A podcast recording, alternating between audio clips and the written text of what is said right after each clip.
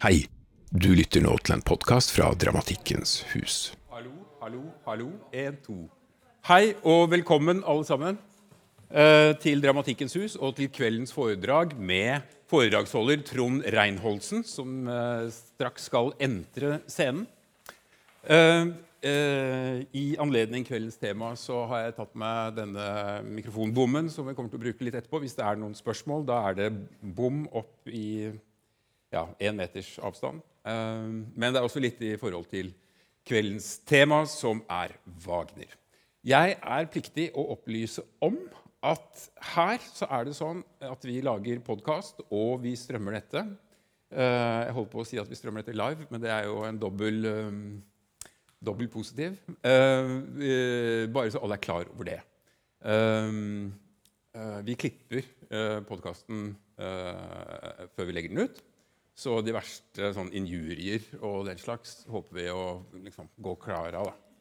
Uh, Trond Reinholdsen uh, er uh, komponist, sanger. hva er han ikke? Han er teaterinstruktør, operadirektør. Og han kommer kanskje til å si noe om seg selv, men iallfall de tingene skulle dekke det meste. da vil jeg Har jeg glemt noe? Da vil jeg med dette gi ordet til Trond. Stig på. Velkommen. Takk, takk.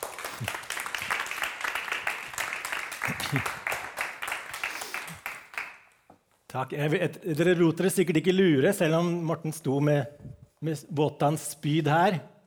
Så var det jo feil musikk, for det, start, det var jo starten på Valkyrien dere hørte der. Og der, Wotan er jo ikke på scenen enda da, så hvis noen blir forvirret, så beklager vi det. Men vi vi tuller ikke med sånt. Men jeg har uh, i dag lagd et lite manus. For hvis jeg begynner å bare snakke fritt, så kan det gå helt galt. Så nå her kan jeg i hvert fall stå og holde meg fast til disse arkene. Og så ser vi åssen det går.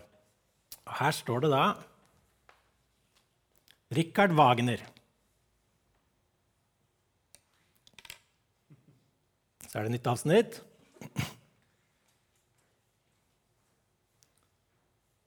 Takk for invitasjonen fra Dramatikkens hus til å komme hit og snikksnakke om min gode kollega Richard Wagner.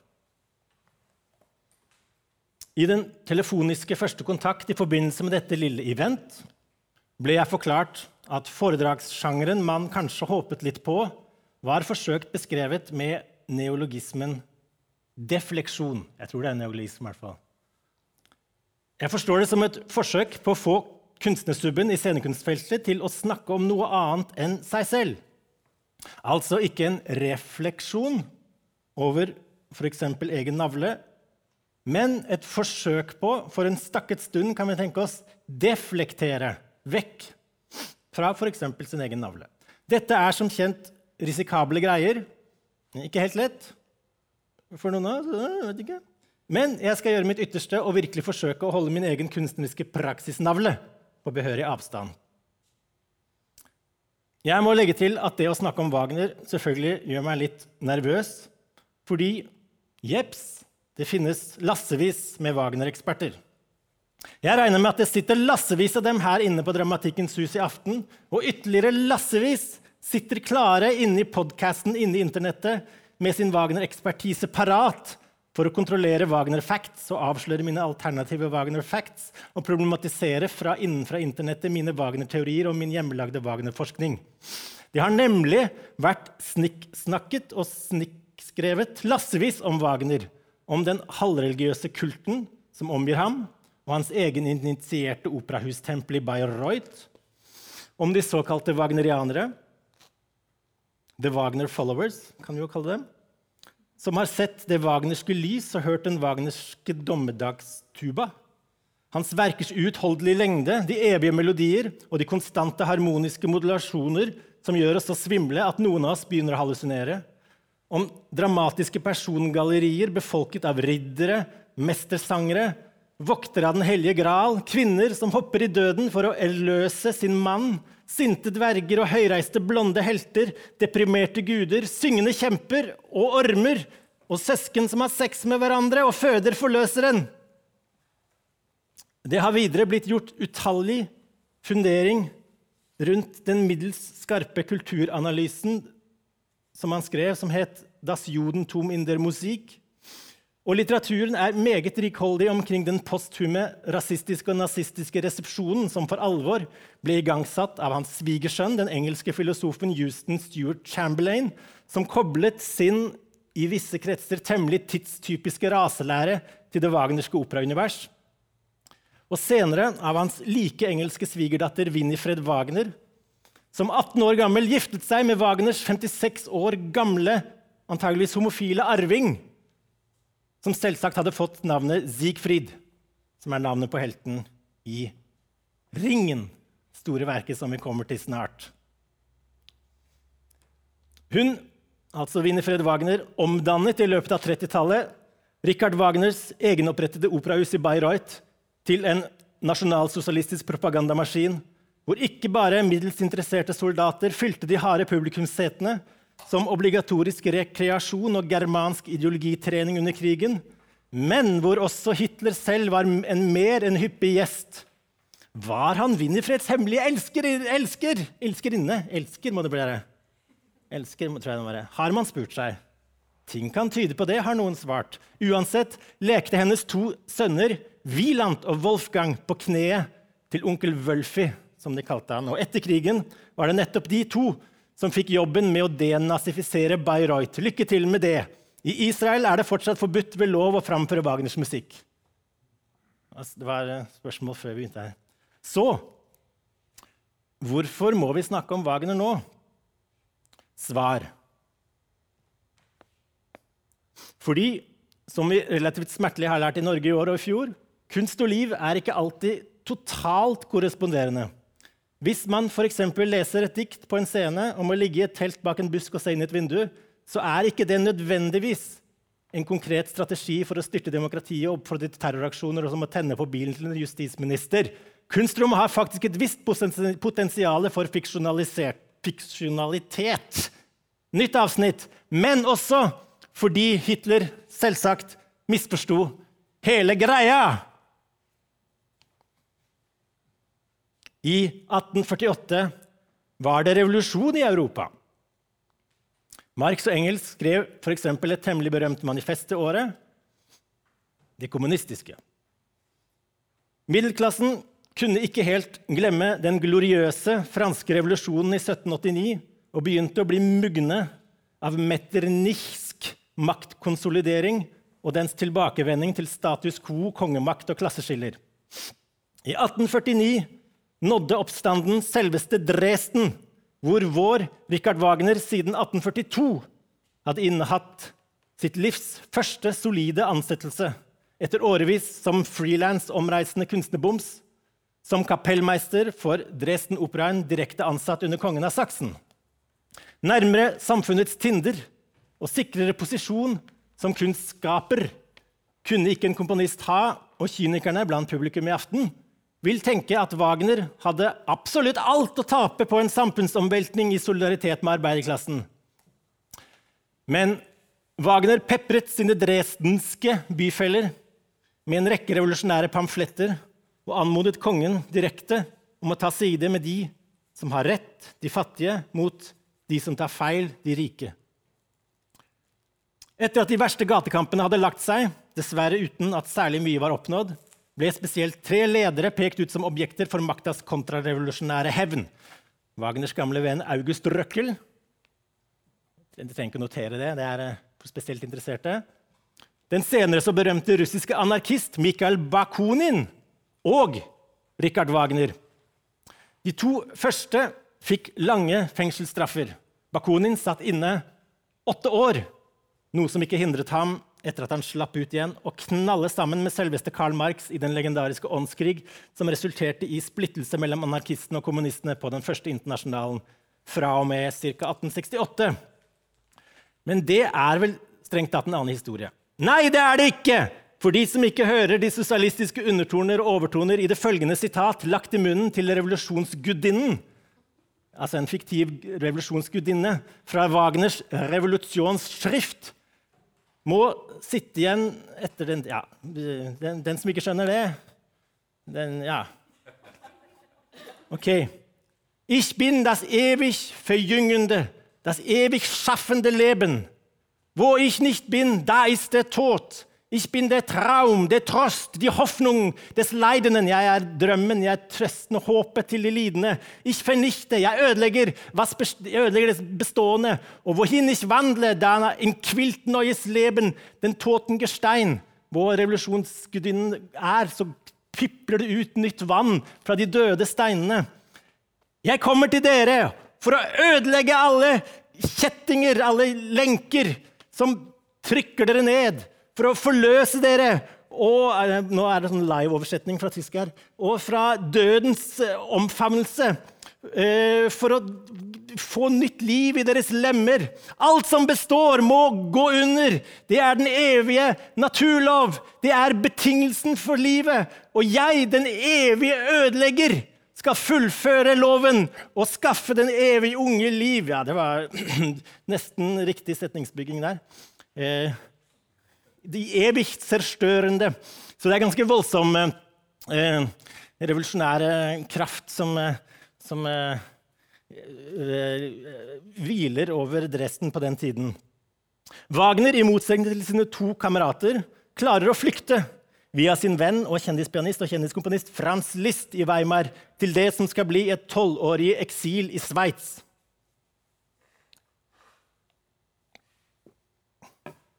Veldig sånn skoleaktig der, da, men det er bra. Bra med skole. Historien om Richard Wagner. Dette er begynnelsen på flere år hvor Wagner legger et slags politisk, estetisk og teoretisk grunnlag for resten av sin virksomhet. Det er her Wagner blir Wagner.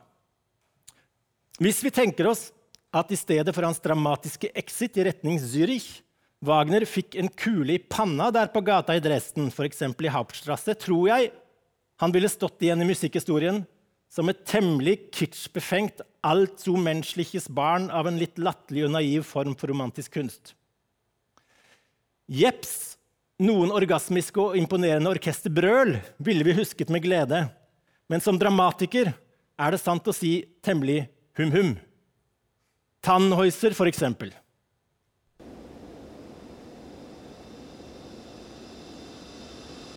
Det var et lite videoklipp fra Tannhäuser. I 1849, vel framme i Zürich, kliner Richard Wagner til med sin tekst 'Die Kunst und die Revolution'.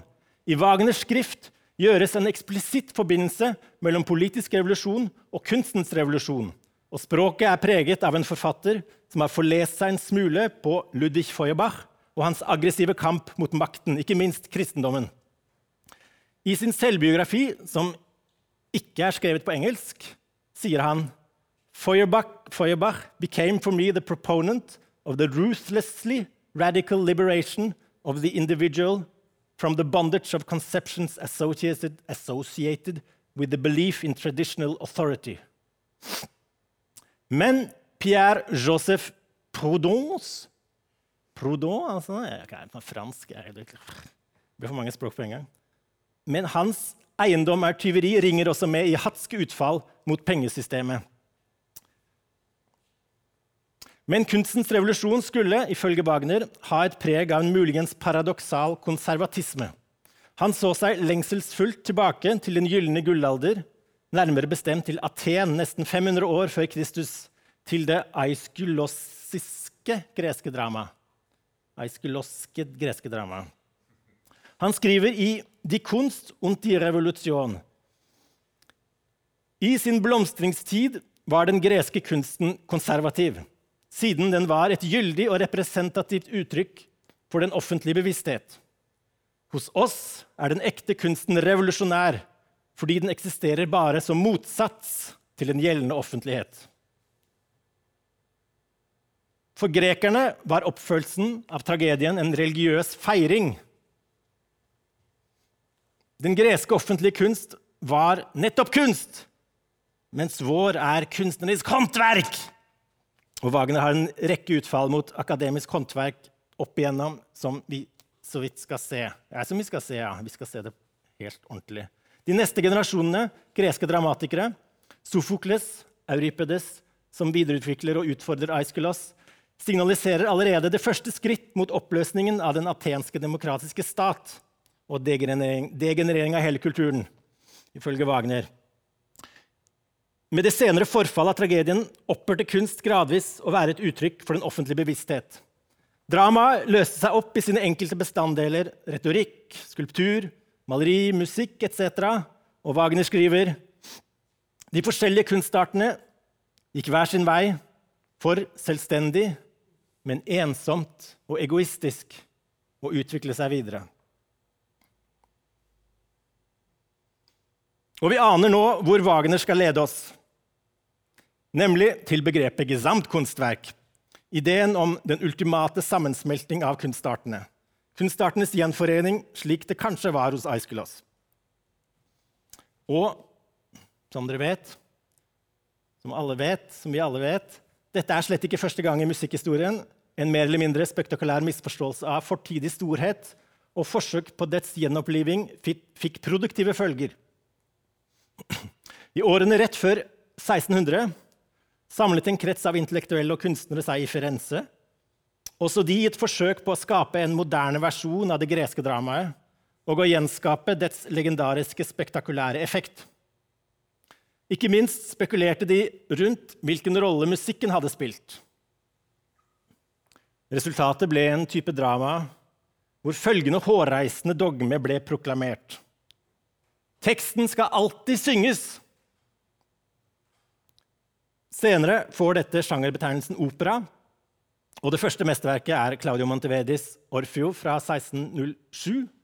Og I denne så vel som alle de andre helt tidlige operaer er det nettopp musikken som en slags magisk, transcenderende, religiøs, verdensforandrende kraft som er det sentrale. Gjennom protagonistene og musikkgeniene Apollon eller Orpheus, som får steiner til å bevege seg og slemme guder til å bli bløthjertede pusekatter.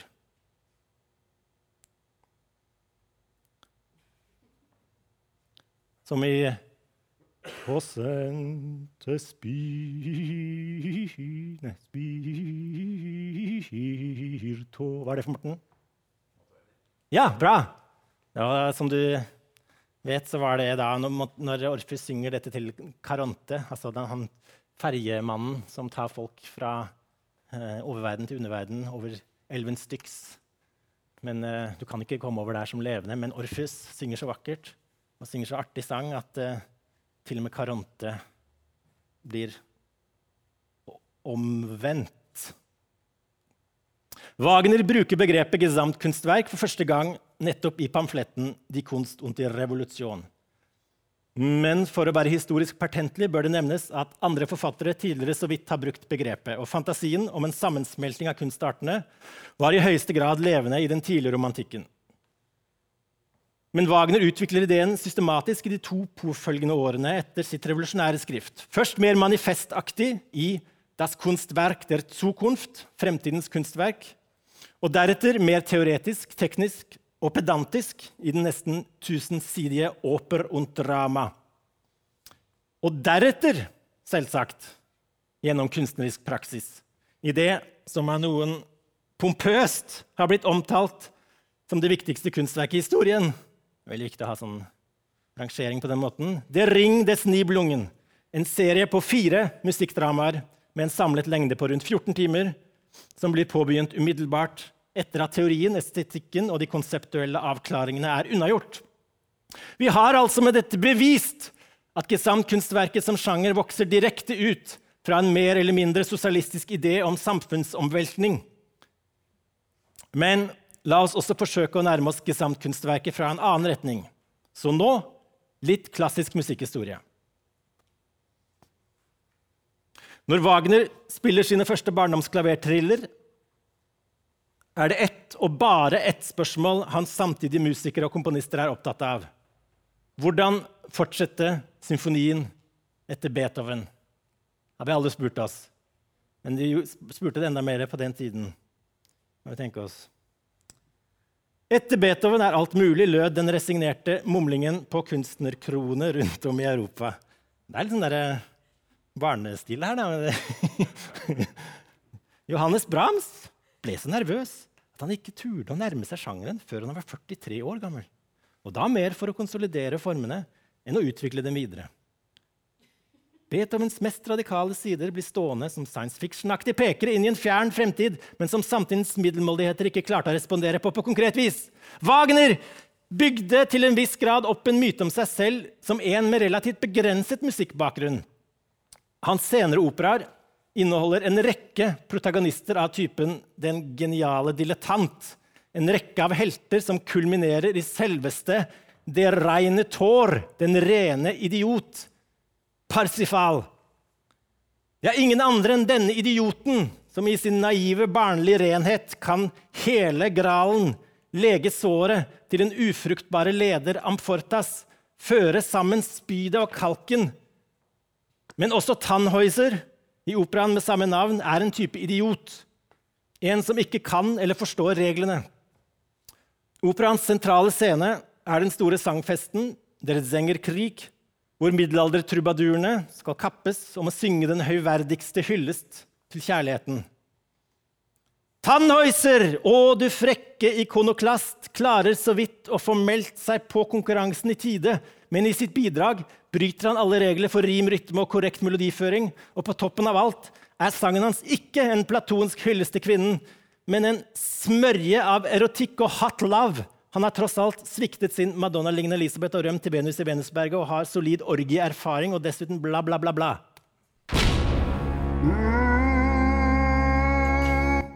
Det var en liten videosnutt fra Tannhäuser. Poenget er at Wagner obviously identifiserte seg med denne type denne typen av jævla idol-nobody som aldri har øvd eller studert, og plutselig blows the jury away. Oh my God, what a voice, what a composer! Men hvor var vi? La oss koste på oss nok et lite videoklipp av Tannhäuser.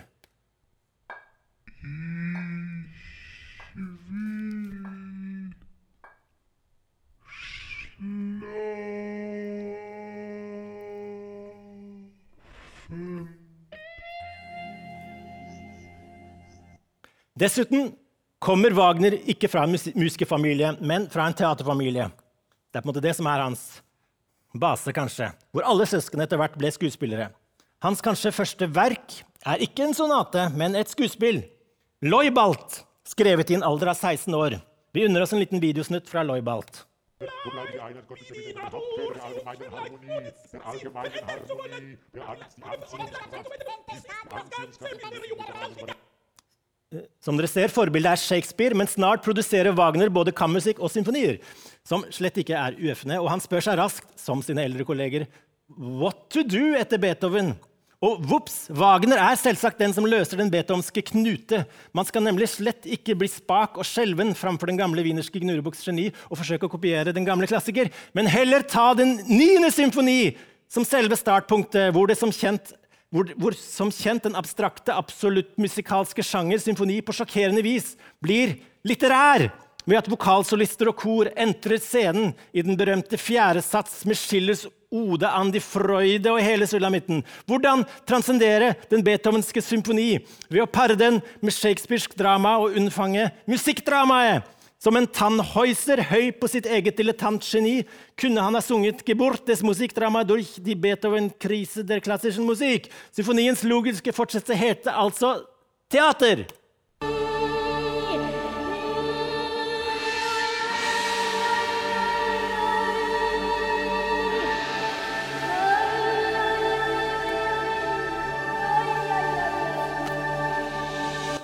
Fra Beethovens 9.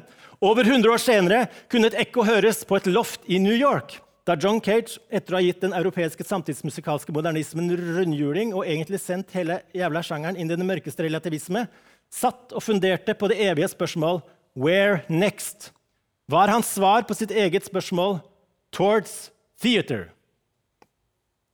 Parallelt i billedkunsten klager kunstteoretikeren Michael Freed over en tendens innen minimalistisk skulptur til å lage så store og basale geometriske objekter at tilskuere ikke helt kunne overskue dem, slik at de selv er nødt til å velge et eller annet perspektiv, bli deltakende, at objektet på en måte mister sin autonome status, at det blir mer enn et objekt, at det ikke lenger er helt klart hvor kunstverkets grense går, at det dermed kommer i spill en type teatralitet. Freed ser hvor vi er på vei og roper 'alarm'! Art degenerates as it, as it approaches theater. Art degenerates as it approaches theater, advarte han. Men den neste generasjon billedkunstnere som omfavnet konseptkunst, performance, body art og happenings, var tydeligvis ikke enige. Den såkalte postmedial condition, som Rosalind Krauss betegnet det som, var et eh, faktum. Jeps. Multidisiplinær praksis og en frihet til å bruke whatever materiale you want, både som koreograf, billedkunstner eller musiker, er status quo i dag. Men har dette noe med gesamtkunstverk å gjøre? Spørsmålstegn.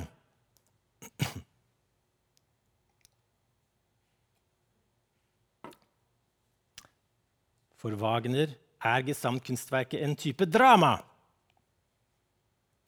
Den som lager et gesamtkunstverk, er dramatiker. Sier bare for deg, Det er Dramatikkens hus. så Jeg bare følte det var viktig å si. Men, kolon, was aber hat endlich der Dramatiker zu leiden, wenn er alle Künste zum höchsten Kunstwerk, zum Drama vereinigen will? Alle Leiden der übrigen Künstler zusammen. En eh, dramatiker for et eh, gesamtkunstverk som vil føre sammen alle kunstartene, må gjennomgå lidelsene fra, lidelsen fra alle kunstartene samtidig. Eh, som vi alle vet, Wagner ville gjøre alt selv. Men et slags hierarki mellom kunstartene finnes allikevel. Han startet alltid med librettoen. Som vi skal se, etter hans teoretiske og ideologiske skrifter setter han i gang med å skrive de fire dramaene i Ringen. Og komponerer ikke en eneste note før all teksten foreligger. Deretter, i løpet av nesten 20 år, skrives partiturene. Når Ringen får sin etterlengtede premiere i 1876, gjøres regien selvsagt av Wagner selv. Regibemerkninger finnes det rikelige av partituret, som er vanlig i både dramatikk og alt det andre. Men Wagner er også instruktør på prøvene. Visstnok utvikler han også et muligens noe banalt gestisk repertoar. Ja, det er sant. Som henger intimt sammen med hans bruk av musikalske ledemotiver. Kort sagt, når ledemotivet for spyd Morten holdt et spyd her når det kom inn. Når ledemotivet for spyd kommer, det er du, du, du, du, du, du. Så det vanlig, var det vanlig at noen peker på spydet. Så det var en type eh, Altså en, type, en form for én-til-én Mickey Mousing eh, må det ha vært. Men de, de er på skole, og det betyr at vi må gå bitte litt inn i bruken av ledemotiver. Egentlig hadde jeg tenkt å kanskje bare snakke om Wagners ledemotivteknikk. Eh, og hvis det hadde vært noe tak i meg, så skulle jeg ha utviklet en perfekt semiotisk analyse av bruken av ledemotiver. Og jeg ville på overbevisende måte vise dere hvordan dette er en helt unik form for dramatikk. En type kommunikasjonssystem midt imellom ord og musikk. Bevissthet og underbevissthet. Logos og legos Nei, hva er det motsatte av logos? Logos og ikke logos. Men vi gjør det i stedet fort og gæli.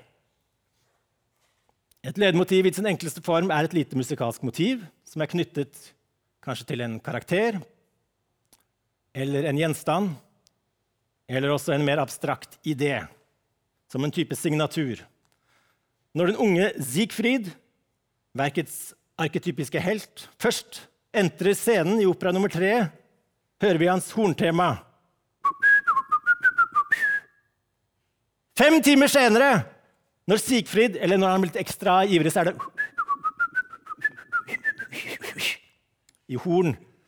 Når han er litt energisk, han er ofte litt energisk. Fem timer senere, når Sigfrid har blitt en slags moden mann, har dette blitt transformert, transformert til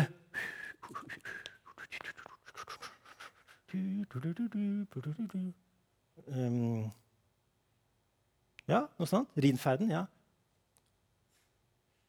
Og i den berømte Sigfrids død låter det med en brass Veldig dramatisk. Sigfrids attributt, sverdet, har et beslektet tema.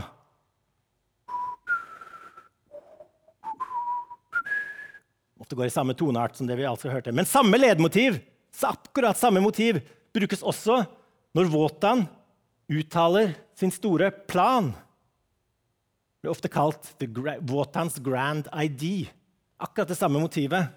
Sammenkoblingen av to betydninger på samme melodiske tegn viser til at Wotan fra starten av har planlagt at Sigfrid skal finne sitt mektige sverd. Og sverdet blir til slutt da brukt for å ta knekken på Wotan. Så egentlig er Wotans på en måte egen tanke om nesten et slags selvmord. Et iscenesatt selvmord. Veldig komplisert fordelerteknikk, men sånn er det altså.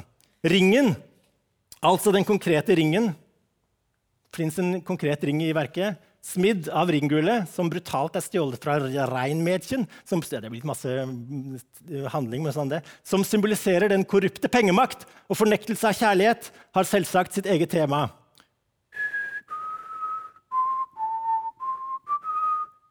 Mens Borgen, Valhall, den kjenner vi jo, har dette temaet. Nesten det samme, men nå plutselig i et slags sånn staselig dur-form. Alt, alt, alt er i orden. Eh, men siden det ligner så veldig Valhalla eh, De er slekt, beslekta fordi Valhall er nemlig bygd av de to kjempene Faf, Det blir så masse handling her. Fafner og Fasolt. Og betalingen har vært ringen! Valhalla og hele verden av guder er altså allerede korrupt. Og til tross for den på overflaten behagelige musikken klinger ringen og dens forbannelse med. Skjønner dere?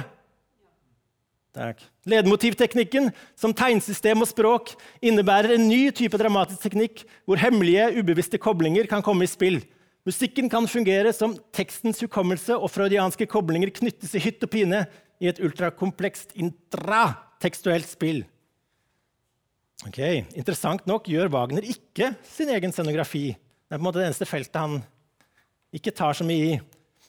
Dette blir outsources til landskapsmaleren Josef Hoffmann, og Wagner innrømmet at dette forble et svært konservativt element i hans uh, gesamtkunstverk. Det fins bilder av, eh, av, det. Det er eh, i, i veldig sånn konservativ tysk eh, landskapsmalingsstil. Eh, og senere kommer, men ganske fort da, senere, etter Wagners død, kommer kritikere som bl.a. Adolf Appia på banen. I, ja, vi er tilbake i Dresden, i Hellerau utenfor Dresden, som gjør den første nytolkningen av Wagner-operaene med modernistisk scenografi og eksperimentell bruk av lyssetting, hvor det blir et ekstremt viktig element. Og dette er begynnelsen på en lang tradisjon. Og for å hoppe tilbake jeg regner med at dere savner de allerede. For å hoppe tilbake til Wagners barnebarn, Wieland og Wolfgang, som er de som tar over familiedynastiet Bayreuth etter krigen, så blir deres løsning å fjerne absolutt alt som smaker av politikk eller germansk tilknytning, i et forsøk på å gjøre Wagners verk maksimalt eh, tidløst og abstrakt. Det fins både video og masse bilder fra deres oppsetninger.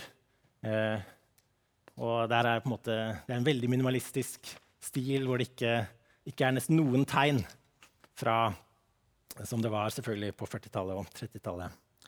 Eh, på et eller annet som hadde med det tyske å gjøre. Bayreuth blir ikke minst siden Boulez-Cherot-ringen en veldig berømt uh, oppsetning, i 1976 definert som teaterverkstatt. Regiteater inntok for alvor Bayreuth. Og siden da har det vært et uttalt mål at skal det, eh, regien skal utvikles så eksperimentelt som mulig. kan man si. Og både Frank Karsdorff og Kristoff Schlingensief har satt opp der. Eh, for de som kjenner de.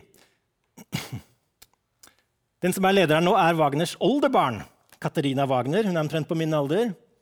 Og jeg så hennes eh, debut på Bayreuth, på en måte i sitt eget hus, hvor hun satte opp eh, Meistersinger, en av de som ble mest misbrukt under krigen. En av, Wagner, en av Hitlers favorittoperaer. Hun gjorde en total dekonstruksjon av den og ble totalt buet på slutten. Så det var ganske flott å se da, eh, i sitt eget hus. Fikk hun det, i trynet. Men det er litt tradisjonen som, som er der. Jeg har vært der siste, siden 76, i hvert fall. Men Ikke sant? Begynner alle avsnitt med 'men'? Nei. Men Gesamt-kunstverkets elementer består ikke bare av tekst, musikk, regi, scenografi, lys. Det ble etter hvert essensielt, essensielt og svært viktig for Wagner at denne typen, denne nye formen også behøver et spesialdesignet operahus dedikert til denne spesifikke type musikkdrama. Med støtte fra den eh, såkalt gale konge Han var nok også eh, virkeligheten veldig gal. Og Wagner-fanatiker Ludvig 2. av Bayern bygger Wagner sitt eget operahus i Bayreuth. Og her kan bare de ti godkjente Wagner-operaene spilles. Her er det operahuset i Bayreuth. Publikumsplassene er organisert som et gresk amfi på tilnærmet demokratisk vis. Ingen i femte losje uten sikt. Ingen femtelosje uten sikt for arbeiderklassen, som på La Scala i Milano. Eksempel. det er den typiske italienske måten å bygge operahus på. At det er strengt klasseskille. Ekstremt dyre og fine plasser foran, og så blir det eh, fattigere og fattigere folk lenger opp. Eh, og når jeg var der, så altså, Det alle gjør, tror jeg, er å kjøpe en billig billett, og så går man og setter seg foran. Men det går ikke an på La Scala. Der blir man sluset inn. Så alle de som har billett til femtelosje, de har en egen inngang til bare femtelosjefolk. Så det er en streng klasseinndeling av publikum. Og dette prøvde Wagner å gjøre noe med. Ok, og Som er da veldig berømt, orkestergraven i Bayreuth. Den er lagd så dyp at orkesteret er usynlig. Også dirigenten, som ikke skulle ta plass som, eh, som superstar. Lyset i salen blir på skandaløst vis skrudd av under framføringen. Og på den måten så sier man ofte at Wagner foregriper kinoen. Han søkte en manipulativ kunstform hvor publikum skal bli sugd inn i verket og ikke glo på kjekke menn i publikum. Og det stopper ikke der! Valget av den relativt lille byen Bayreuth var heller ikke tilfeldig. München var jo egentlig en mer åpenbar mulighet som Wagner-hovedstad så lenge nevnte Ludvig 2. var sjef. Men han ville heller gå inn for et sted hvor han hadde en type sosial kontroll på hele byen. som han formulerte det. Gesamtkunstverket er også en type social art practice. Og det stopper ikke der heller! Hans siste opera, 'Parsifal', skulle bare kunne oppføres i dette spesialdesignede operahus. Man måtte altså til Bayreuth for å se det. Operaen er tidvis mer en religiøs seremoni enn et drama, og publikum blir deltakere i et hellig rituale. Her strekker ikke ord til, som dere forstår, så vi viser en liten videosnutt fra Parsifal.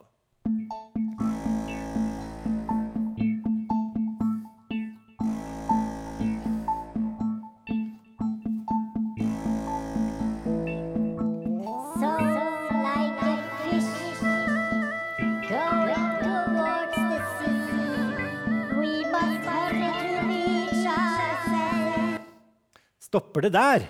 Nei. Den berømte kuratoren Harald Seemann organiserte utstillingen Der Hang zum Gesamtkunstwerk i 1983. Det er 100 år etter at Wagner døde. Og presenterte utopiske kunst- og arkitekturarbeider som strebet mot eine Umwandlung der sozialen Wirklichkeit zu einer erneuerten Gesellschaft. En omvandling av den sosiale virkelighet til, fornyet, til et fornyet samfunn. Representert ved kunstverk som eh, Goetheanum, som Rudolf Steiner har bygd, et slags teater. Eh, rekonstruksjon av Kurt Schwitters Merzbau og Herman Nitschs utendørs ritualistiske performances. Likeledes i programboken til utstillingen Utopi gesamtkunstverk hevder forfatterne at begrepet gesamtkunstverk har gjennomgått en betydningsforskyvning. Det skal ikke bare forstås som en sammensmelting mellom de ulike tradisjonelle kunstdisiplinene. Det innebærer også en sammenblanding av kunst og liv, og stiller spørsmålet hvilke livsmodeller er i det hele tatt mulig. For meg personlig ble møtet Oi, der kom det til meg likevel. Ja, men det er bare kort. For meg personlig ble møtet med en type kontemporær gesamtkunstverk spesielt inspirerende, og jeg var nok ikke helt alene om å, om å la meg begeistre over det. Jeg tror det var fem temmelig så spektakulære forestillinger på Folksbyen i Berlin av og med Christoph Schlingensief på 00-tallet, eh, hvor man ble hensatt til en forbløffende svimmelhet og kastet rundt mellom ulike kunstarter, hvor både koblingen til det virkelige, konkrete livet, hverdagslige livet, aksjonistisk politikk og Wagner aldri var langt unna. Ok. Tilbake i 1852 har den revolusjonære Wagner avsluttet sin, sine tre politiske og estetiske tekster, som vi har lært. Håper alle noterte det. Han skulle snart gå i gang med librettoene til Ringen. Men i dette høypolitiske stadiet i sitt liv utforsker han også andre muligheter. Det finnes et tekstutkast fra Wagner til en opera med tittelen 'Jesus von Nazaret', som utvikler ideene til Proudhon og Ludvig Feuerbach. Eiendom som roten til alt ondt, kjærlighetens overlegenhet i forhold til loven og en ny human religion. Jesus kjemper mot der syndenfall, syndefallet.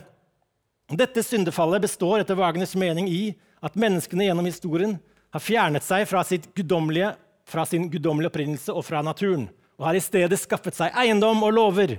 Gud er forandret til industri, og denne industrigud holder de stakkars arbeiderne i live bare så lenge som de kan opprettholde de himmelske handelskonstellasjonene. De himmelske handelskonstellasjonene. Ja. Gudene, de herskende, må ødelegges. I denne nye verden kan man leve uten lover. Wagner så derimot ikke for seg at dette budskapet ville kunne formidles fra teaterscenen. Jeg vet ikke helt hvorfor, men av forskjellige grunner. Og konsentrerte seg mer og mer på sin alternative helt, som vi allerede er blitt kjent med, Siegfried! I en nøkkelscene i Ringen kommer det til et oppgjør mellom guden Wotan, som Morten spilte i starten, med spydet, eller Odin, som vi kaller han her i vår norrøne mytologi. Eh, men i Ringen jeg føler han ligner enda mer på Sevs. på en måte. Han er, eh, han er nummer én, og, og, og, det er veldig mange koblinger til Sevs eh, også. Et oppgjør mellom Båtan og mennesket Sigfrid. Som også er en av Wagners mange naive, men uredde idioter. Han understreker stadig hvor lite han vet, og hvor dum han er. Wotan, som vi også har lært, har egentlig iscenesatt hele fødselen av helten Sigfrid. Det har vært en plan hele veien. Og det at han finner sitt magiske sverd, det er også en plan. Wotans plan er at Sigfrid kan, Siegfried kan utføre den revolusjonen som han selv er for svak for å gjennomføre. Wotan er for låst av gamle kontrakter. Han er innsausa i byråkrati og alle slags hensyn og fortidig korrupsjon og snusk. Alle avtaler er risset inn på hans spyd, som han alltid bærer. Fra og med Det er spydtemaet. Fra og med 1854 dykker Wagner faktisk da kommer et slags drøyt skillebrudd. Han dykker ned i Schopenhauers semibuddhistiske filosofi. Og dette kommer inn i ringen med full kraft. Wotan som karakter blir mer og mer et uttrykk for den Schopenhauer-lesende Wagner. Han inntar en mer og mer resignert holdning, drømmer om nirvana, kan vi tenke oss, og tenker og trener på å fornekte viljen. Egentlig forvandles også Wotan gradvis til en depressiv. Kort før den store kampen med Sigfrid synger Wotan Um der Götter ende gremt mich die Angst nicht, seit mein Wunsch es will. Det er litt vanskelig. Han eh, har ikke angst for gudenes endelikt siden mitt ønske vil dette. Altså siden jeg vil dette, siden mitt ønske vil det. Wotan er klar for the end, Ragnarok. Og rikt og sannelig Sannelig min hatt. Det står ikke her, men det fulgte inn. Og sannelig min hatt, Sigfrid, knuser Wotans spyd og alle dets innskrevne lover med sitt virile sverd i den påfølgende eh, falloskamp, står det her. Det er jo liksom et sverd mot et spyd. Eh. Og Friedrich Nietzsche sier da eh, Wagner hat sein halbes Leben jeg må ta på norsk her da. Wagner har i sitt halve liv trodd på revolusjonen som bare en franskmann kan tro på det. Han søkte etter, etter det. Han søkte etter revolusjonen i mytenes runeskrift. Han mente og har funnet den typiske revolusjonære i Sigfrid. Hvorfra stammer alle, alt det onde i verden? spurte Wagner seg. Fra de gamle kontraktene, fra de gamle bestemmelsene, svarte han. På samme måte som alle revolusjonsideologer. Og på tysk betyr det, dette er fortsatt Nietzsche, på tysk betyr dette fra sitten, altså tradisjoner, lover, moraler, institusjoner, for alt det som den gamle verden og det gamle samfunnet eh, hviler på. Dette er fra eh, Der Fall Wagner, tilfellet Wagner, som Nietzsche skrev relativt sent. Nietzsche var en ekstrem wagnerianer. Når han kom på scenen og skrev sin første bok, så var det, var det bare den totale hyllest av Wagner. Men på et eller annet punkt så kommer det et brudd. Eh, av forskjellige grunner. Og, og, denne boka, 'Der Fall Wagner', den begynner den har jo Wagner i tittelen. Det begynner med 'I går så, så jeg den mest fantastiske opera'. Eh, da fikk jeg ble helt slått i bakken. Og det var Georges Bissets 'Carmen', som hadde funnet sist der. Det er en helt totale motsetning av Wagner. Som er, har liv, og som er utysk, og som er eh, god på alle måter. Eh, så Nietzsche eh, blir en fiende av Wagner på slutten. Ja, nå er vi ferdige. Snart. Men som sagt, Wotan er gammel og lei og har glemt sine store planer for verdens utvikling. Men Men men i en radikal tvist i andre potens så har vi hans datter Brynhilde. Hun er faktisk den egentlige hovedpersonen i hele ringen. Og vel den som synger mest i hele smæla. Det er, som dere vet, Kirsten Flagstads store rolle. For oss freudianere er det enkelt å se at Brynhilde er ingenting annet enn Våtans glemte vilje. Hans undertrykte vilje hans ubevisste vilje, kanskje viljen selv som begrep.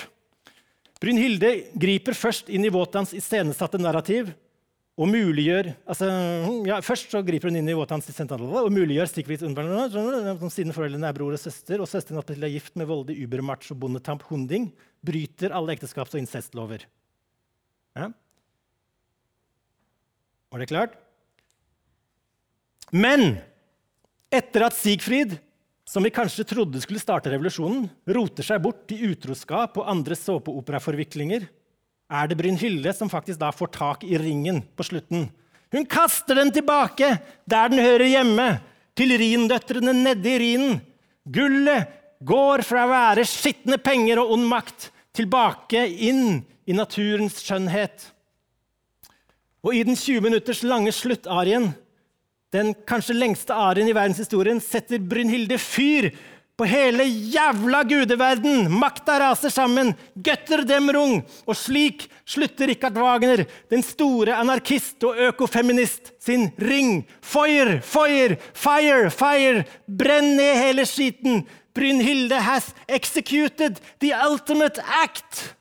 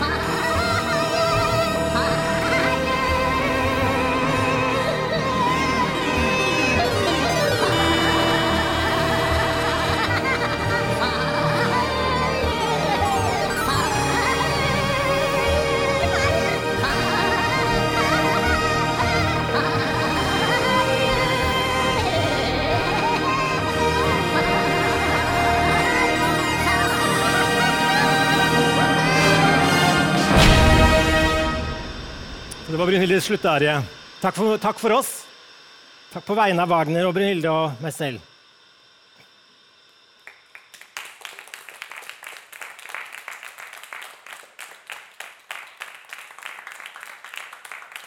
Du har hørt en podkast fra Dramatikkens hus 2020.